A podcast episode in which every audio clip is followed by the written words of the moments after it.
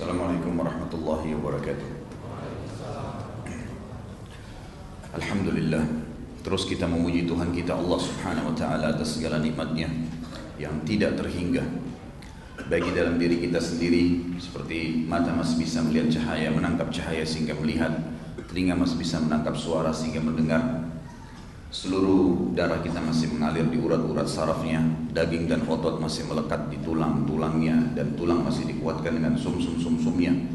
Dan juga seluruh energi yang tidak ada batas di dalam tubuh kita sehingga kita bisa beraktivitas. Ini sebuah nikmat yang tidak terhingga.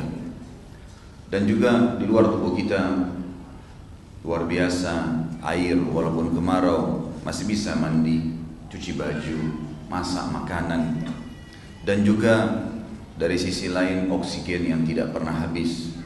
Dan terlalu banyak nikmat Allah yang tidak bisa terhitung. Sayur-sayuran tidak pernah kosong di pasar kita. Selalu ada saja kalau mau makan. Kemudian hewan-hewan yang ditunggangi hewan-hewan yang dimakan dagingnya. Luar biasa. Allah mengatakan wa in la tuhsuha.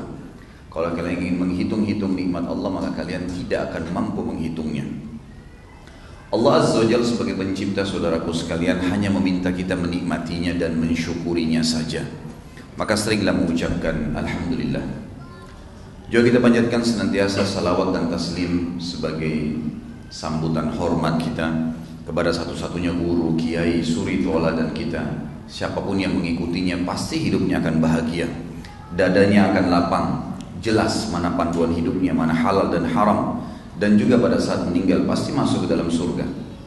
Dan siapa pun yang mengingkarinya, pasti dadanya akan sesak, tidak tahu mana solusi dari hidupnya atau masalah dalam hidupnya tidak tahu mana halal haram dan pada saat meninggal pasti masuk ke dalam neraka. Allah dan malaikatnya telah memberikan sambutan hormat yang dikenal dengan salawat dan taslim maka wajar sebagai pengikut yang setia dan orang yang mau selamat selalu mengucapkan sallallahu alaihi wasallam. Tentu di awal pertemuan saya mengatakan selamat datang saudaraku seiman di acara kita bahasan yang tidak boleh luput dari setiap muslim dan tentu kalau saya katakan muslim berarti muslim masuk di dalamnya. Kisah heroik para sahabat, pahlawan kita. Yang luar biasa, yang paling pantas untuk dipelajari sejarah hidup mereka, dikenal biografi mereka, ditangkap hobi-hobi mereka dan dijadikan sebagai hobi kita. Orang-orang yang sudah sukses secara dunia, sukses secara akhirat, memiliki banyak sekali kelebihan-kelebihan yang sudah semestinya jadikan sebagai idola. Para sahabat ini orang-orang yang luar biasa. Orang-orang yang menemui Nabi Shallallahu Alaihi Wasallam manusia yang paling sempurna, Rasul penutup, sebagaimana sabda Nabi Shallallahu Alaihi Wasallam, "Ana sayyidu wala Adam wala fakhr." Dalam hadis sahih saya pemimpin anak Adam dan tidak ada kesombongan pada hal itu. Sahabat-sahabat ini definisinya adalah orang-orang yang melihat Nabi SAW dengan mata kepala mereka, lalu beriman pada Nabi SAW dan meninggal dalam keadaan keyakinan tersebut. Kalau kita sempat bertemu dengan presiden sekali saja, atau siapa kira-kira yang ditokohkan di masyarakat, saya yakin kita akan mengenang seumur hidup kita. Saya pernah bertemu dengan presiden Indonesia di istana diundang. Walaupun hanya salaman mungkin, kita akan mengenang seumur hidup kita. Bagaimana dengan orang yang bertemu dengan manusia yang terbaik Muhammad sallallahu alaihi wasallam? Mereka adalah orang-orang pilihan dan memang Allah mengetahui hati-hati mereka. Saya malah berpikir kalau kita ini hidup di zaman Nabi sallallahu alaihi wasallam tidak tahu apakah bisa menjadi sahabat atau tidak. Orang-orang yang luar biasa. Di zaman tidak ada media, tidak ada fasilitas seperti sekarang, Al-Quran masih dalam proses turun. Yang menyampaikannya buta huruf nggak bisa baca nggak bisa nulis di kota yang terpojok ya, sangat jauh terpencil tidak ada apa-apa padang pasir. Lalu kemudian mereka beriman mereka meyakini mereka menjalankan dan mempertahankan sampai meninggal ini luar biasa. Saya setiap kali membuka lembaran para sahabat ini sekarang kadang menetesin air mata sendiri melihat bagaimana mereka bisa beriman pada saat itu sekarang kita lahir Masjid sudah banyak, Quran sudah sempurna dalam bahasa Indonesia lagi, gitu. Sudah lengkap, buku-buku hadis Nabi banyak. Hadis-hadis semua sudah diterjemahkan dari Sahih Bukhari, Sahih Muslim, banyak penuh. Tinggal beli aja bukunya. Ceramah tinggal hadir saja. Dai-dai Masya Allah banyak sekali yang menyampaikan. Nggak ada sesuatu lagi. Bimbang sedikit tinggal tanya, Ustadz gimana hukumnya? Selesai, jawabannya sudah ada. Zaman itu luar biasa. Masih dalam proses. Tapi mereka bisa beriman, saudaraku. Dan para sahabat ini adalah orang-orang yang memiliki ciri khas. Mereka berpegang pada kebenaran dan sekali tahu itu kebenaran sudah nggak ada keraguan di dalamnya. Karena memang tidak mungkin bercampur baur antara kebenaran dengan kebatilan. Pasti benar atau salah. Malam atau siang gitu kan. Muda atau tua. Memang berada di antara itu saja. Tidak mungkin bercampur satu sama yang lain. Itu harus difahami benar-benar. Jadi tidak mungkin kebenaran itu diikuti dengan sedikit kebatilan. Gak bisa. Itu sudah cukup menodai kebenaran itu. Jadi mereka berpegang pada benar ya benar sekalian. Sebagaimana pernah saya titip beratkan teman-teman sekalian, camkan baik-baik itu. Di muka bumi ini cuma ada dua jalan, tidak ada jalan yang ketiga dan tidak bisa dicampur baurkan.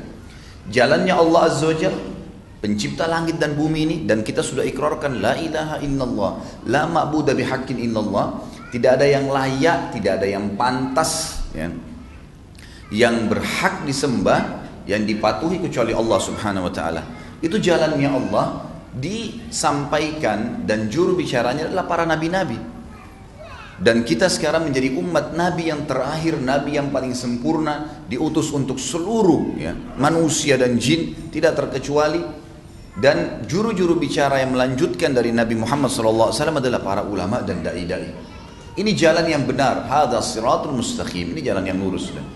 Pertahankan, pegang itu sampai mati, apa pun tantangannya, nikmatin apa yang dihalalkan, tinggalkan apa yang diharam, meninggal masuk surga dan surga yang dijanjikan abadi nggak ada sesuatu keraguan di dalamnya. Allah selalu mengatakan la raiba fi, la raiba fi. Tidak ada keraguan di dalamnya, tidak ada keraguan di dalamnya. Dan jalan kedua teman-teman sekalian, jalan syaitan, iblis. Ini jalan sesat, pasti ke neraka. Juru bicaranya dukun, penyihir, penyamun, peramal, dan ahli maksiat. Anda kalau berteman sama mereka pasti diajak ke jalan syaitan. Berteman sama orang yang suka berzina tiap malam di, di diskotik, di bar, di karaoke dan segala, maka mereka akan berbicara tentang bagaimana menyeret Anda ke situ. Akhirnya ke jalan syaitan dan pasti ujungnya neraka dan tidak bisa disatukan, tidak bisa disatukan, mustahil. Sekalian di jalan Allah atau sekalian jalan syaitan. Kalau ada orang di tengah-tengah nggak bisa nih, nggak mungkin. Kita juga punya istilah dalam agama kita ada halal ada haram. Kata Nabi SAW yang halal jelas, yang haram jelas. Di antaranya ada, ada masalah yang mungkin samar-samar. Tapi apa kata Nabi? Siapa yang menyelamatkan dirinya dari hal yang samar-samar, dia telah menyelamatkan kehormatan dirinya dan agamanya. Dan siapa yang menjerumuskan dirinya pada yang samar-samar, udah tahu nih, ini halal atau enggak ya. Terus dia sengaja jerumuskan dirinya pada itu, dia telah menjerumuskan dirinya pada yang haram. Kata ulama hadis apa? Maknanya yang samar-samar itu masuk dalam haram. Nggak ada lagi jalan tengah berarti halal atau haram. Syubhat itu masuk kepada hal yang haram. Seperti pengembala domba yang membawa domba-dombanya ke padang pasir, kemudian eh, maaf, yang membawa dombanya ke ladang yang luas dan rumput-rumput ladangnya itu lebih tinggi daripada dombanya sehingga dia tidak tahu domba mana yang dicuri oleh serigala. Itulah orang yang tidak jelas. Sebentar jalan Allah, Sebentar sholat tapi sebentar juga bermaksiat. Ini nggak jelas, gitu kan? Ini masuk pada perbuatan yang haramnya nanti mendominasi dia, otomatis. Maka harus difahami dan ini yang dipegang oleh para sahabat. Ini ciri khas. Tinggal kita ikutin, menjadikan mereka sebagai kudua kita akan bersama mereka, bukan mustahil. Para sahabat, saudaraku sekalian, sangat memahami firman Allah Subhanahu wa taala. Saya tertarik untuk menyampaikan firman Allah ini karena saya tahu sahabat betul-betul berpegang pada ini. Dan saya coba secara pribadi, coba semaksimal mungkin saya akan jalankan bersama mereka dan saya harap tentu Anda semua sama gitu. Dalam surah Saf, Allah Subhanahu wa taala menceritakan dan menggambarkan surah nomor 61 ayat 6 sampai akhir surah tepatnya ayat 14. أعوذ بالله من الشيطان الرجيم. وإذ قال عيسى ابن مريم يا بني إسرائيل إني رسول الله إليكم مصدقا لما بين يدي من التوراة ومبشرا. مصدقا لما بين يدي من التوراة ومبشرا برسول يأتي من بعد اسمه أحمد. فلما جاءهم بالبينات قالوا هذا سحر مبين. Dan ingatlah ketika Isa putra Maryam menyampaikan kepada Bani Israel, Hai Bani Israel, sungguhnya aku benar-benar utusan Allah kepada kalian, membenarkan, membenarkan kitab sebelumku yaitu Taurat dan memberikan, memberikan berita gembira kabar gembira tentang datangnya seorang rasul yang akan datang sesudahku meninggal nanti yang bernama Ahmad atau Muhammad ya. maka tak kala rasul itu datang mereka dengan membawa bukti-bukti yang nyata mereka masih berkata ini adalah sihir yang nyata Lalu Allah mengatakan ayat tujuhnya, "Wa man adzlam mimman iftara 'ala Allahi al-kadhiba wa huwa yud'a ila al-Islam, wallahu la yahdil qaumadh dhalimin." Dan siapakah yang lebih zalim, bodoh ya. Kalau zalim itu bahasa kita langsung saja bodoh dia, gitu kan. Tidak mengerti. Daripada orang yang mengada-ngadakan dusta terhadap Allah sedang dia diajak kepada Islam. Masih nolak Islam itu kenapa? Alasannya apa? Menolak mengerjakan apa yang diperintahkan Allah itu alasannya apa dan memilih jalan syaitan itu alasannya apa Nggak ada alasan. Orang yang patuh pada Allah hidupnya bahagia. Orang yang beriman makan, minum, tidur, bernafas, semua aktivitas bisa dilakukan. Bahkan mereka punya panduan hidup dan mendapatkan balasan-balasan terhadap perbuatan mereka dan meninggal masuk surga. Orang yang berbuat durhaka jelas sempit hidupnya karena Allah ancamkan dengan hukuman-hukuman dan pada saat meninggal tidak taubat juga memang akan masuk ke neraka. Neraka juga sudah dirincikan semuanya. Wallahu la yahdil qawmal zalimin. Allah tidak akan memberikan petunjuk orang-orang yang zalim. Kata ulama adalah orang-orang yang bodoh, tahu kebenaran tapi tidak mau diikutin. Lalu para sahabat faham benar ayat setelahnya juga ayat 8 yuriduna liyutfi'u nurallahi biafwahihim wallahu mutimmu nurihi walau karihal kafirun. Mereka ingin memadamkan cahaya Allah dengan mulut dan tipu daya mereka. Tapi Allah justru menyempurnakan cahayanya walaupun orang-orang kafir membencinya. Udah ini kebenaran. Mau seluruh dunia benci, ini benar Islam, ini Allah benar ada, Rasulullah SAW benar diutus. Walaupun orang kafir semuanya benci, saya nggak peduli. Jadi para sahabat berpegang pada itu. Dan ini semestinya setiap orang beriman berpegang padanya. Ayat sembilannya, Huwallazi arsala rasulahu bil huda wa dinil haqqi liyudhhirahu 'ala ad-dini kullihi walau karihal musyrikun. Dialah yang telah mengutus rasulnya, Allah subhanahu wa ta'ala telah mengutus rasulnya dengan membawa petunjuk dan agama yang benar agar dia Allah memenangkan di atas segala agama-agama meskipun orang-orang musyrik membencinya. Tidak mungkin ada yang bisa mengalahkan agama Islam, mustahil. Allah menjanjikan dan itu kebenaran. Antum mempertahankan ini, Anda pertahankan agama Islam, Anda akan menang, pasti, nggak mungkin tidak. Sudah ada secara histori kita tahu kok para sahabat menang, gitu kan? Nanti di antaranya kita akan singgung dalam beberapa pertemuan dalam pertemuan kita dalam beberapa poin nanti bagaimana Islam memang menyebar karena memang keyakinan ini para sahabat yakin dengan kebenarannya.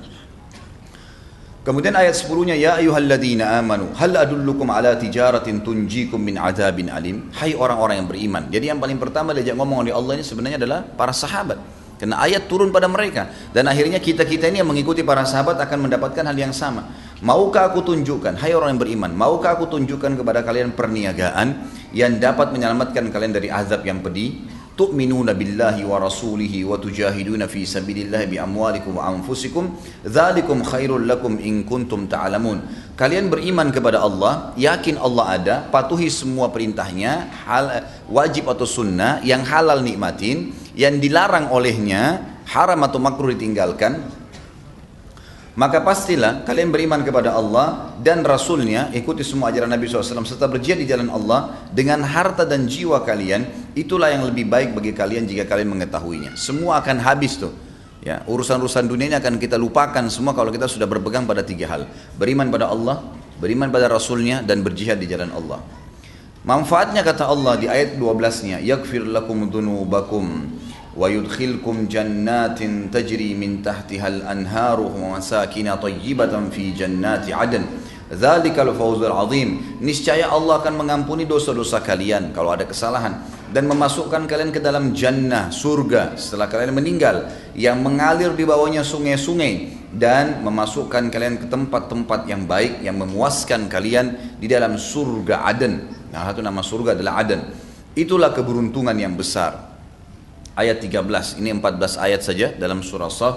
Wa ukhra tuhibbunaha nasrun minallahi wa fathun qarib wa basyiril mu'minin. Dan ada lagi karunia yang yang lain yang kalian akan sukai yaitu pertolongan Allah. Pada saat kalian menolong agama Allah pasti Allah akan berikan kepada kalian kemenangan yang dekat. Dan sampaikanlah berita gembira kepada orang-orang yang beriman. Ayat 14-nya ya ayyuhalladzina amanu hai orang-orang yang beriman kunu ansarallahi kama qala Isa bin Maryam lil hawariyin man ansari ila Allah Seperti pada saat Isa berkata kepada Hawariyun, sahabat-sahabatnya Nabi Isa dikatakan Hawariyun. Siapakah yang menjadi penolong-penolong agama Allah? Qala al-hawariyuna nahnu ansarullah. Para hawariyun berkata kami adalah penolong-penolong agama Allah. Fa'amanat ta'ifatum min bani Israel wa kafarat ta'ifah. Lalu sebagian mereka ada yang beriman dari bani Israel dan sebagian mereka kufur. Fa'ayyadna alladhina amanu ala aduhim fa'asbahu zahirin. Lalu kami akhirnya membuktikan bahwasanya orang-orang yang beriman di antara mereka kami berikan kemenangan maka orang dan mereka akhirnya menang di depan atau di, di hadapan orang-orang kafir itu.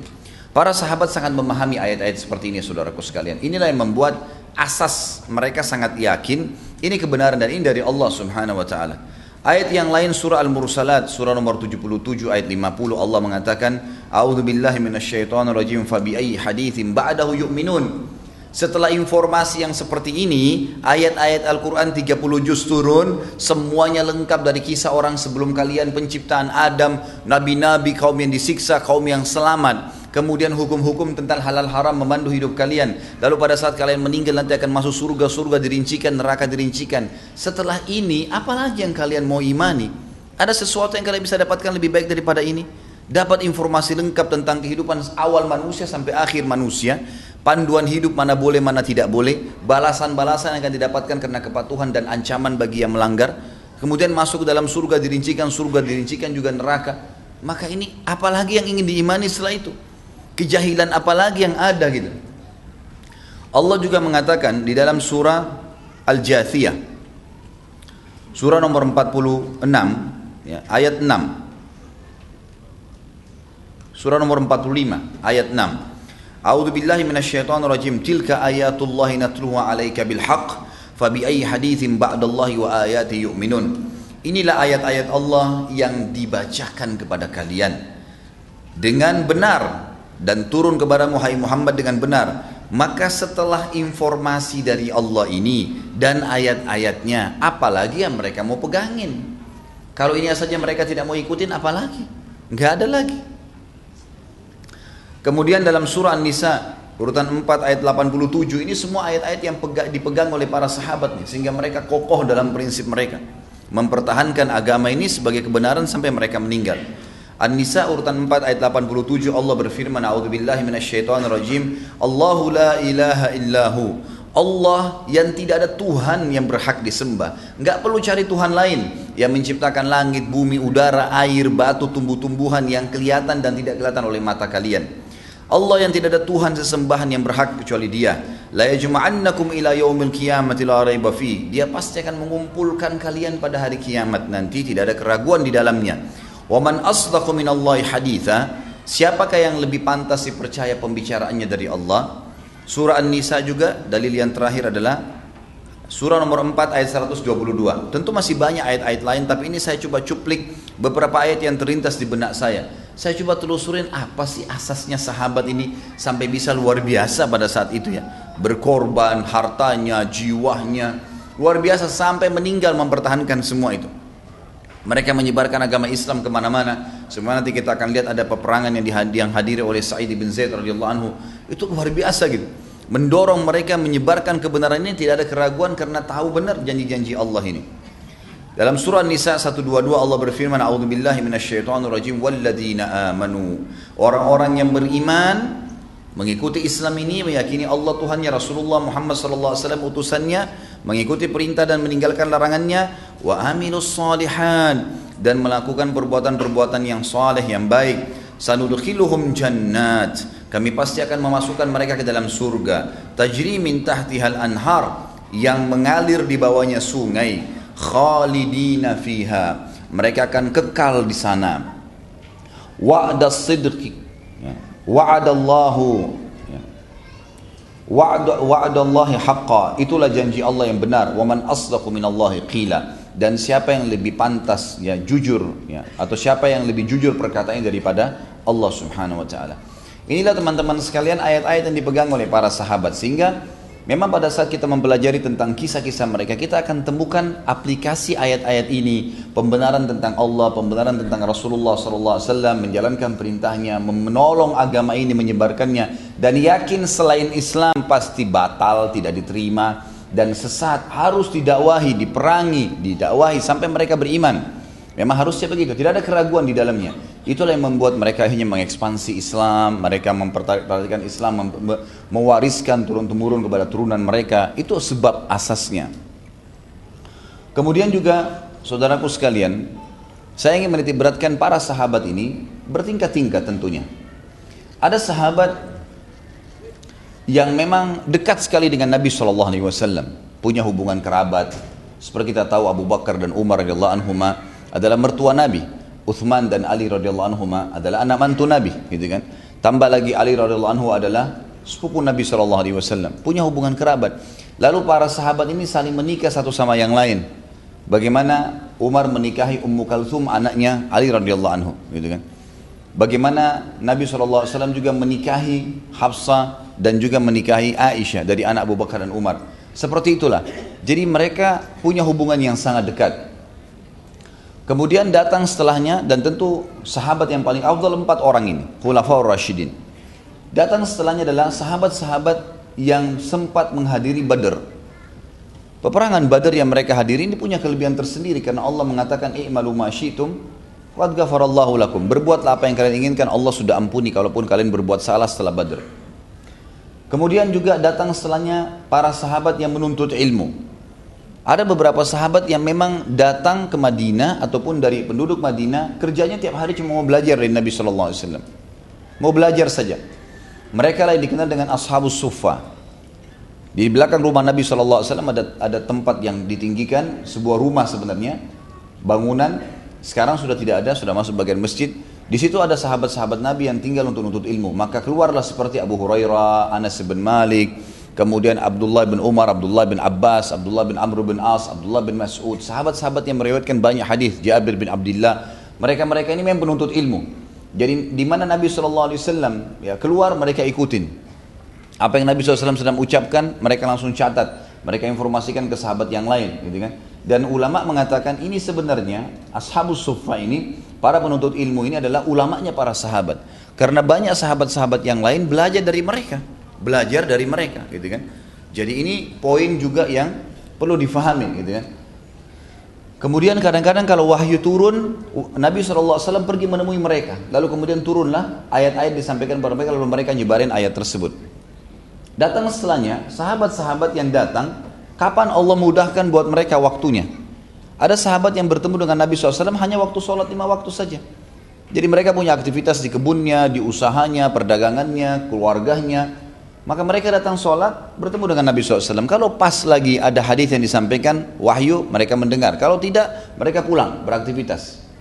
Datang setelahnya level adalah sahabat yang paling ya di nomor akhirkan oleh para ulama adalah sahabat yang datang hanya datang mengucapkan syahadat seperti waktu terjadi pembebasan kota Mekah. Maka banyak sahabat dengan suku-sukunya, suku Arab yang datang mengucapkan syahadat setelah itu mereka pulang, gitu kan?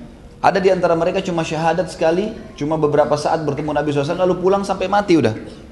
Maka ini level sahabat yang dianggap di paling bawah, tapi mereka juga tetap sahabat. Mereka juga sahabat. Dari level-level inilah teman-teman sekalian yang saya ingin titik beratkan. Mereka pun bertingkat-tingkat dari sisi kelebihan. Kan? Dari sisi kelebihan.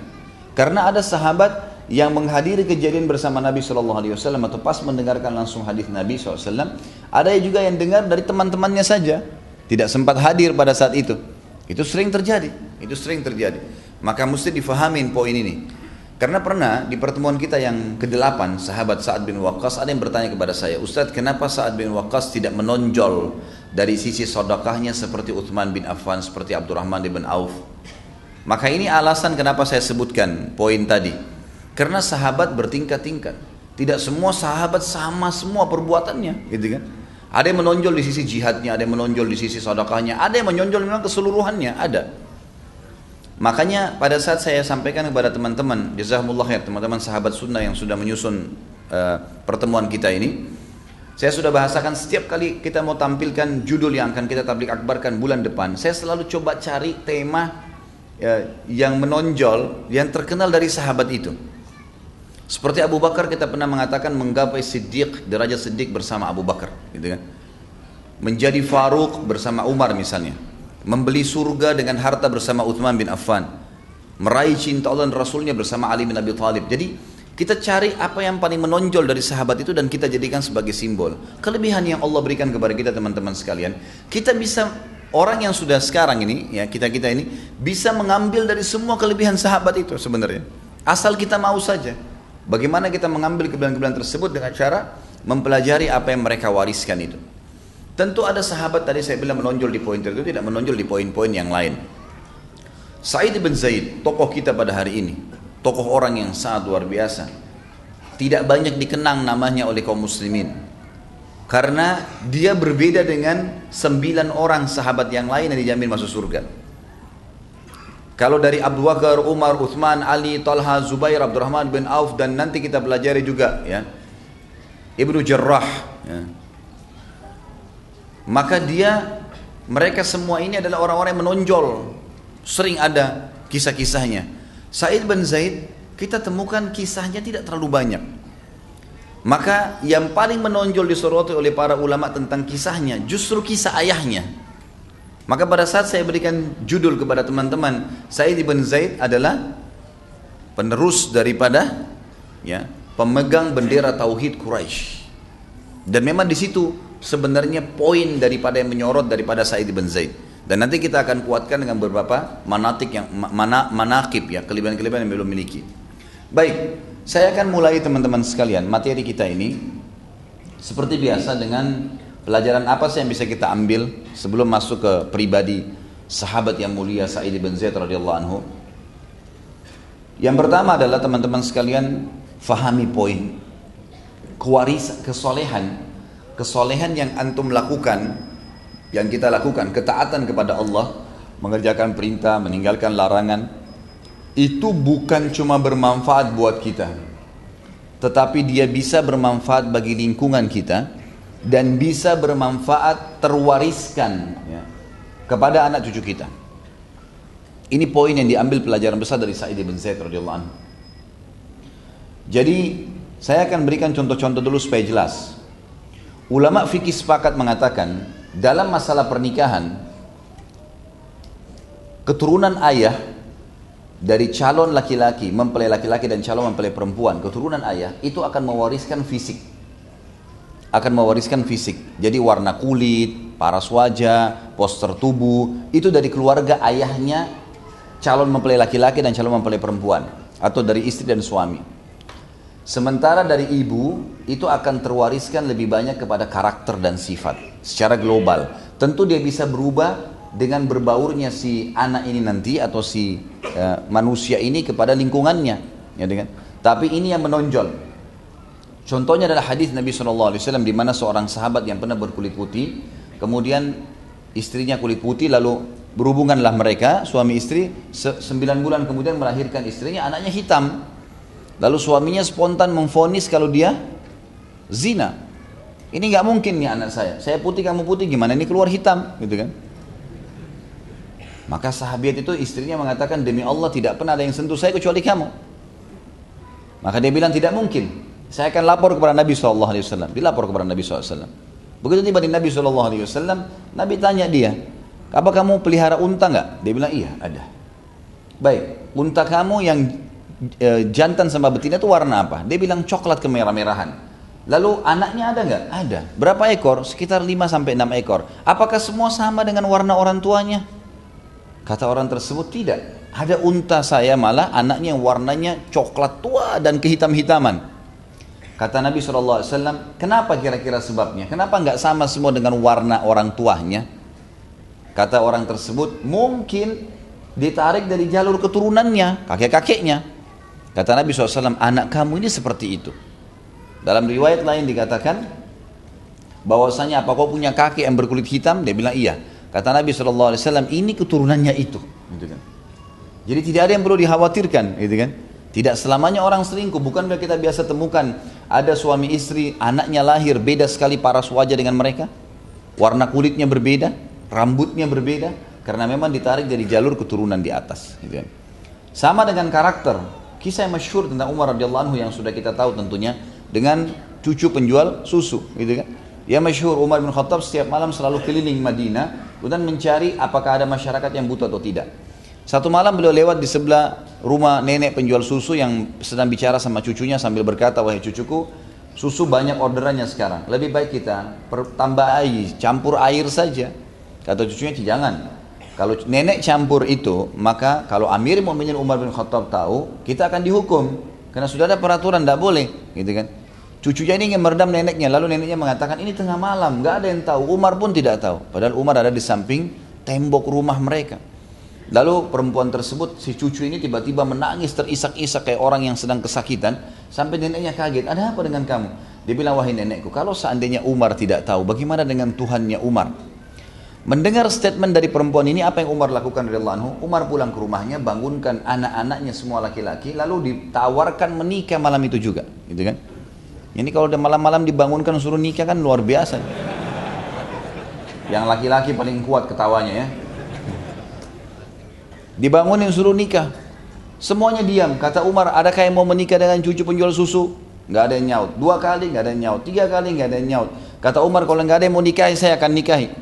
Maka Asim angkat tangan berkata, anak Umar bin Khattab. Ya, tapi ini tidak masuk dalam kalangan sahabat dia karena dia lahir setelah Nabi SAW meninggal. Maka Asim berkata, saya ayahku, saya akan menikahi dia demi untuk bakti dengan anda. Maka menikahlah. Lalu keduanya memiliki anak Abdul Aziz Lalu Abdul Aziz punya anak Umar, Umar bin Abdul Aziz, khalifah yang masyhur.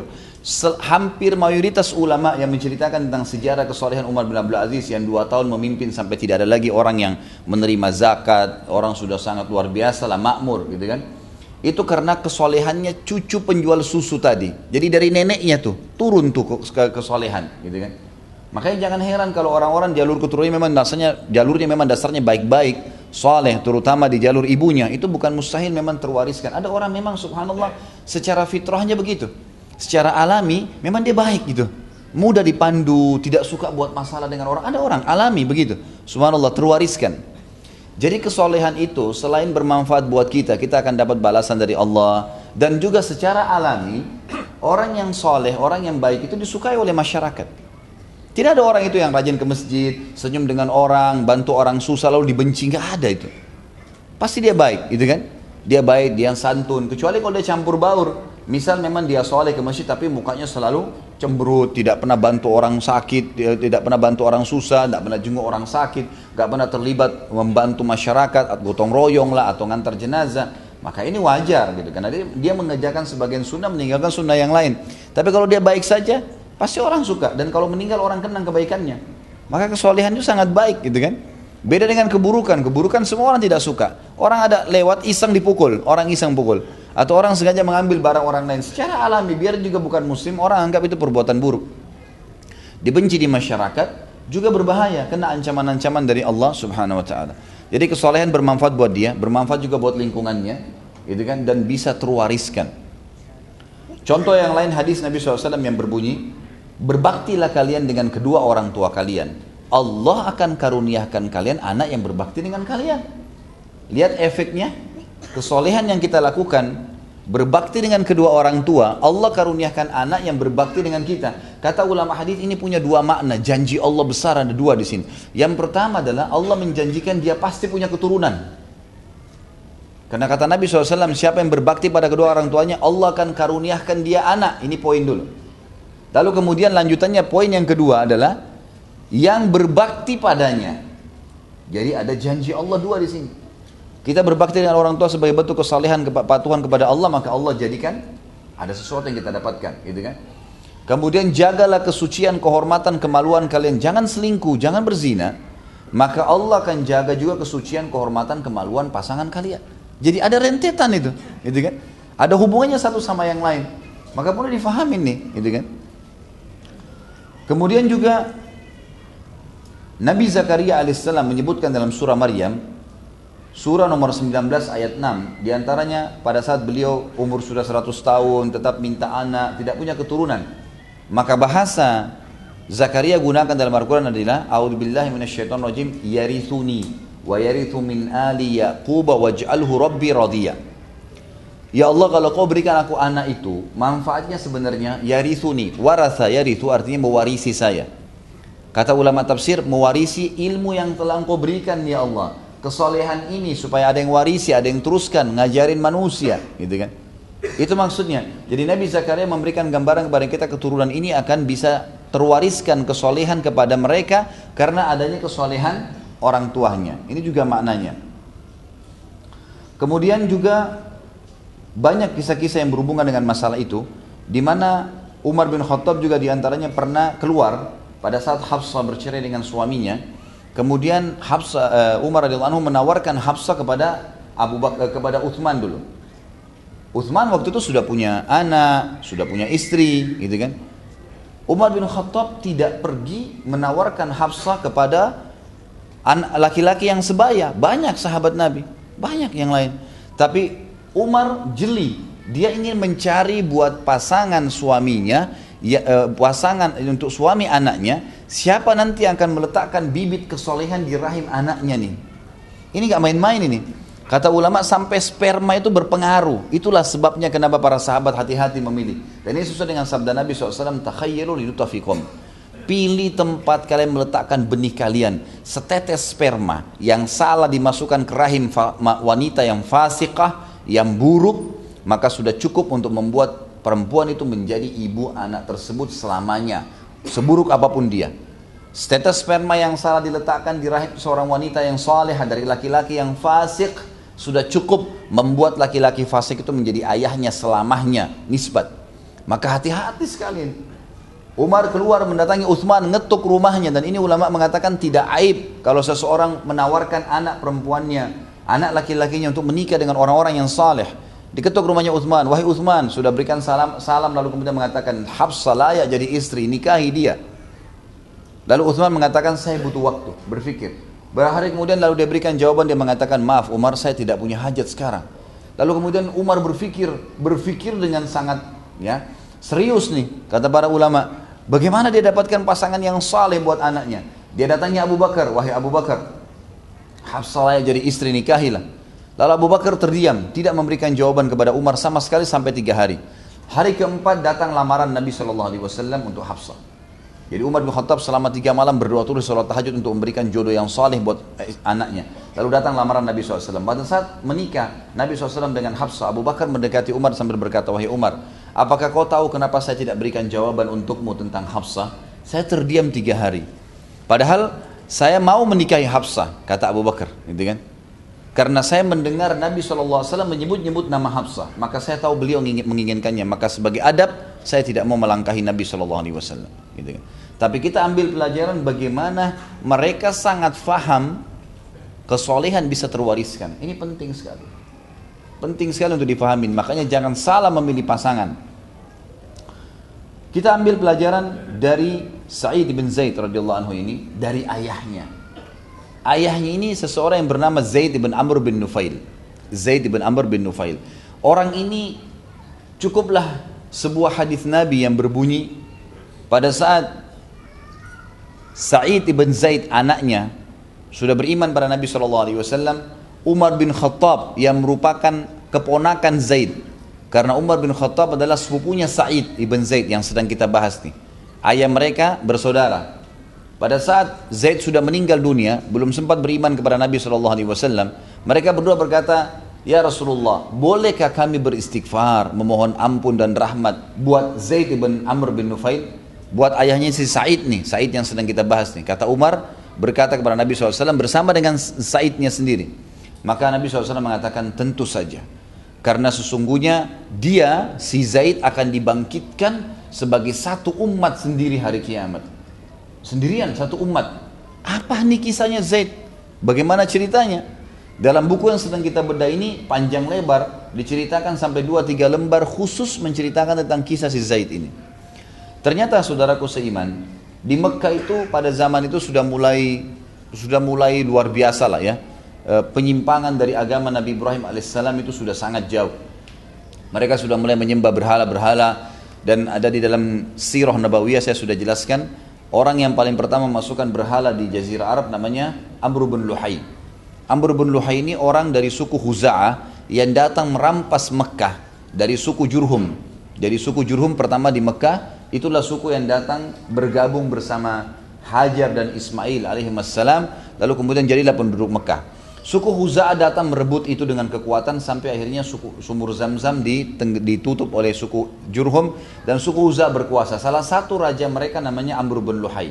Kata Nabi SAW, Allah memperlihatkan saya Amr bin Luhai di neraka isi perutnya sedang keluar karena sedang disiksa oleh Allah SWT dia yang paling pertama mengubah ajaran Ibrahim alaihissalam dia memasukkan berhala-berhala gitu kan jadi dia pernah pergi ke negeri Syam, dia ketemu dengan beberapa suku Amalik yang sedang menyembah berhala, lalu dia tanya, kenapa kalian sembah? Apa yang kalian lakukan nih? Kata suku Amalik, kami sedang uh, menyembah, meminta kepada patung-patung ini, inilah Tuhan-Tuhan kami dan mendekatkan kami kepada Allah. Inilah yang memberikan makan kami kalau kami lapar, memberikan kami minum kalau kami haus dan seterusnya. Maka kata Amr bin Luhai, baiklah berikan kepada saya sesuatu. Dari itu saya beli. Dibawa pulang ke Mekah lalu dia suruh masyarakat menyembahnya sampai akhirnya seluruh Mekah menyembah berhala dan sampai akhirnya orang-orang yang datang haji pun membeli berhala-berhala dari Mekah karena Amr bin Luhai mengatakan berhala yang paling baik adalah berhala dari Mekah maka masyarakat Mekah menjadikannya sebagai bisnis akhirnya menyebarlah seluruh jazirah Arab penyembahan berhala gitu kan seperti itu kejadiannya turun temurun terus sampai di zaman Zaid bin Amr bin Nufail nih, ayahnya Sa'id bin Zaid.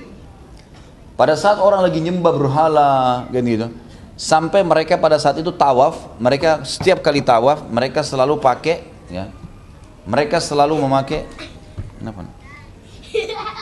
Hmm. Pada saat mereka lagi tawaf, maka mereka melakukan siapa ini? Anaknya siapa? Bisa dibantu orang tuanya, tolong. Waktu Zaid bin uh, Zaid bin Amr bin Nufail ini lagi sandar punggungnya di Ka'bah dalam sebuah riwayat yang sahih maka Asma binti Abi Bakar radhiyallahu anhu menceritakan pada saat itu pada saat itu saya melihat Zaid bin uh, Amr bin Nufail ini orang yang sangat tua dan menyandarkan punggungnya di Ka'bah dan pada saat itu orang-orang di Mekah, di Ka'bah lagi menyembah berhala. Berhala mereka dihias-hiasi dengan emas. Mereka pun pada saat tahu mereka menggunakan baju-baju emas. Hewan-hewan mereka pun dilapisi dengan pakaian-pakaian emas. Lalu kemudian setelah mereka tawaf dengan bersiul, mereka dengan tepuk tangan, mereka tidak lagi bertalbiyah. Maka pada saat itu pun mereka menyembeli berhala-berhala tersebut untuk ya, patung-patung. Maka Zaid bin Amr mengatakan, wahai Quraisy, wahai kaumku, Allah lah yang telah menciptakan semuanya ini termasuk hewan-hewan kalian. Allah lah yang telah menurunkan hujan dari langit sehingga hewan-hewan kalian minum sepuas-puasnya. Jadi gemuk kalian bisa tunggangin kalian bisa nyembeli dan makan dagingnya. Allah lah yang telah menurunkan hujan dari langit sehingga menumbuhkan rumput-rumputan dan akhirnya hewan-hewan kalian makan sekenyang-kenyangnya. Lalu kalian bisa menikmatinya gitu kan? Lalu bagaimana bisa kalian menyembelih kepada selain Allah? Jadi Zaid ini pada saat itu memang berbeda dengan orang semuanya gitu.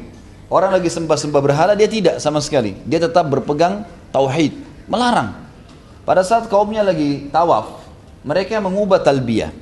Amr bin Luhai tadi orang yang pertama mendatangkan berhala di jazirah Arab mengubah talbiyah. Talbiyah dari zaman Ibrahim AS seperti sekarang yang diajarkan Nabi Muhammad SAW kepada kita.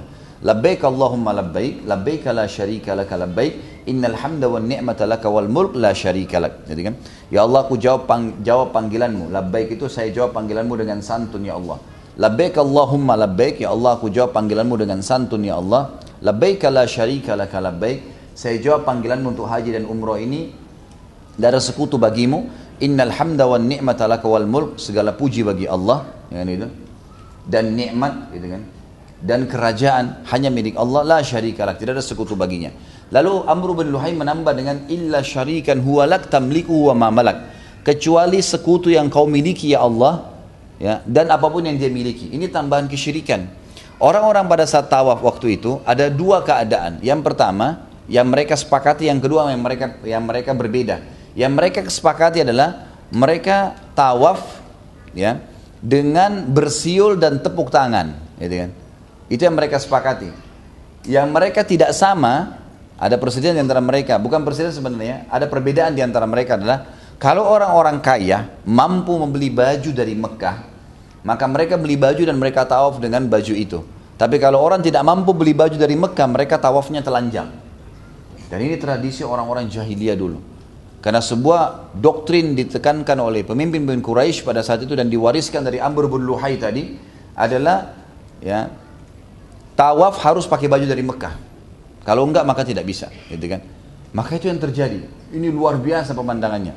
Amr uh, Zaid bin Amr bin Nufail uh, rahimahullah, beliau sambil tawaf setiap hari kalau tawaf kaumnya selalu dilewatin. Kalau orang sudah bilang la syarikalak talbiyahnya, begitu mau tambah illa syarikal illa syarikan huwa lak tamliku wa malak. Kalimat syirik beliau mengatakan kafa kafa cukup cukup jangan ditambah lagi gitu kan. Cukup sampai situ. Jadi dia berdakwah. Ini sebelum Nabi SAW berutus jadi Nabi nih. Jadi dia sudah berdakwah tauhid pada saat itu ya. Kan? jadi luar biasa orang ini gitu kan. Dia sudah bisa mempertahankan masalah-masalah seperti ini. Kemudian orang-orang Quraisy terbiasa membunuh anak-anak perempuan mereka. Maka setiap kali dia dapat ada orang Quraisy membunuh anak perempuan dia selalu datangin dia bilang tidak usah bunuh, berikan kepada saya, biar saya yang besarkan. Jadi diambil anak perempuan itu. Dibiayai sama dia sampai besar. Begitu besar didatangi ayahnya. Kamu ambil kembali anakmu enggak? Kalau mau silakan ambil. Saya sudah rawat, tidak apa-apa. Kalau tidak mau kembalikan kepada saya. Jadi itu kerjanya. Banyak sekali. Dia punya penampungan anak-anak perempuan di Mekah penuh. Jumlahnya luar biasa. Tidak disebutkan lagi tapi banyak sekali. Karena setiap lahir anak perempuan pasti sudah menjadi tradisi mereka membunuhnya.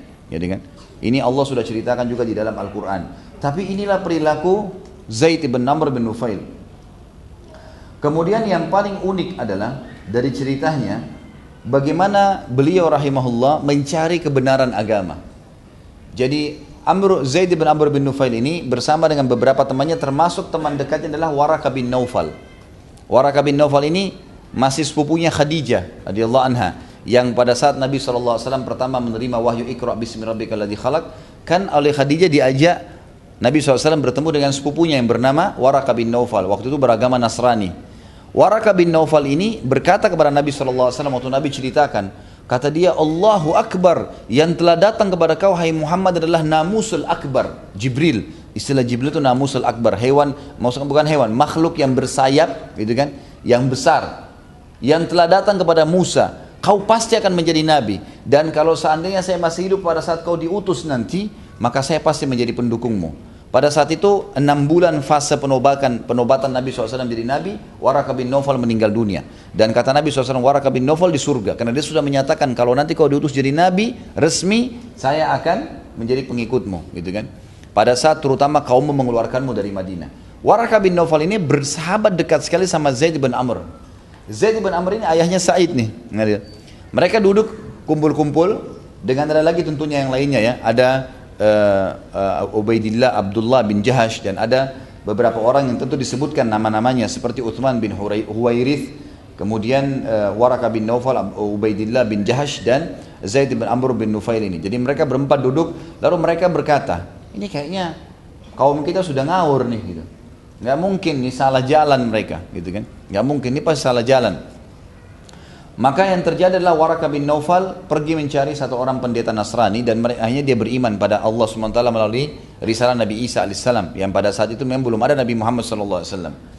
Kemudian Ubaidillah bin Jahash dan juga ya, uh, Uthman bin Al-Huwairith ini pergi ya mencari dan mereka pulang tidak men, tidak mendapatkan pada saat Nabi SAW diutus mereka beriman gitu kan. Kemudian yang yang bahasan kita saksi bahasan adalah Zaid bin Amr bin Nufail. Jadi dia jalan sendiri nih. Jalan kaki dia kelilingi jazirah Arab. Dia tak ta, cari tahu nih mana agama yang mengenal Tuhan namanya Allah. Dari lisan demi lisan tidak ada media, tidak ada transportasi, dia jalan sendiri. Kelilingi semua kampung-kampung sampai dia mencapai tempatnya ahli kitab di negeri Syam. Di negeri Syam ini, Palestina, Syria, Lebanon, semuanya Turki yang dikenal dulu wilayah Bizantium, ya Mesir. Itu semua dulu adalah kerajaan terbesar Nasrani gitu kan. Dia datang ke sana lalu dia menemui pendeta-pendeta di sana. Yang paling pertama dia tanya, siapa di antara agama langit ini yang dianggap mengikuti agama langit? Ada sebagian orang mengatakan orang-orang Yahudi. Siapa pemimpin mereka? Ditunjuklah satu pendeta Yahudi di negeri Syam. Datanglah Zaid bin Amr ke orang Yahudi tersebut lalu dia bertanya, Wahai pendeta saya ingin tanya, agama apa yang kalian sedang anut nih? Lalu pendeta itu menjelaskan tentang agama Yahudi, gitu kan? Pertama mengatakan Allah, Nabi Musa pengikutnya dan dan dan dipanjang lebar dijelaskan. Setelah Amr, eh, Zaid bin Amr bin Nufail ini faham, lalu dia bilang, bagaimana caranya kalau saya mau masuk ke agama kalian? Jauh ini riwayat Bukhari hadis sahih ya. Orang-orang Yahudi, pendeta Yahudi ini berkata pendeta paling pintarnya pada saat itu. Dia mengatakan, wahai Zaid, kalau kau ingin masuk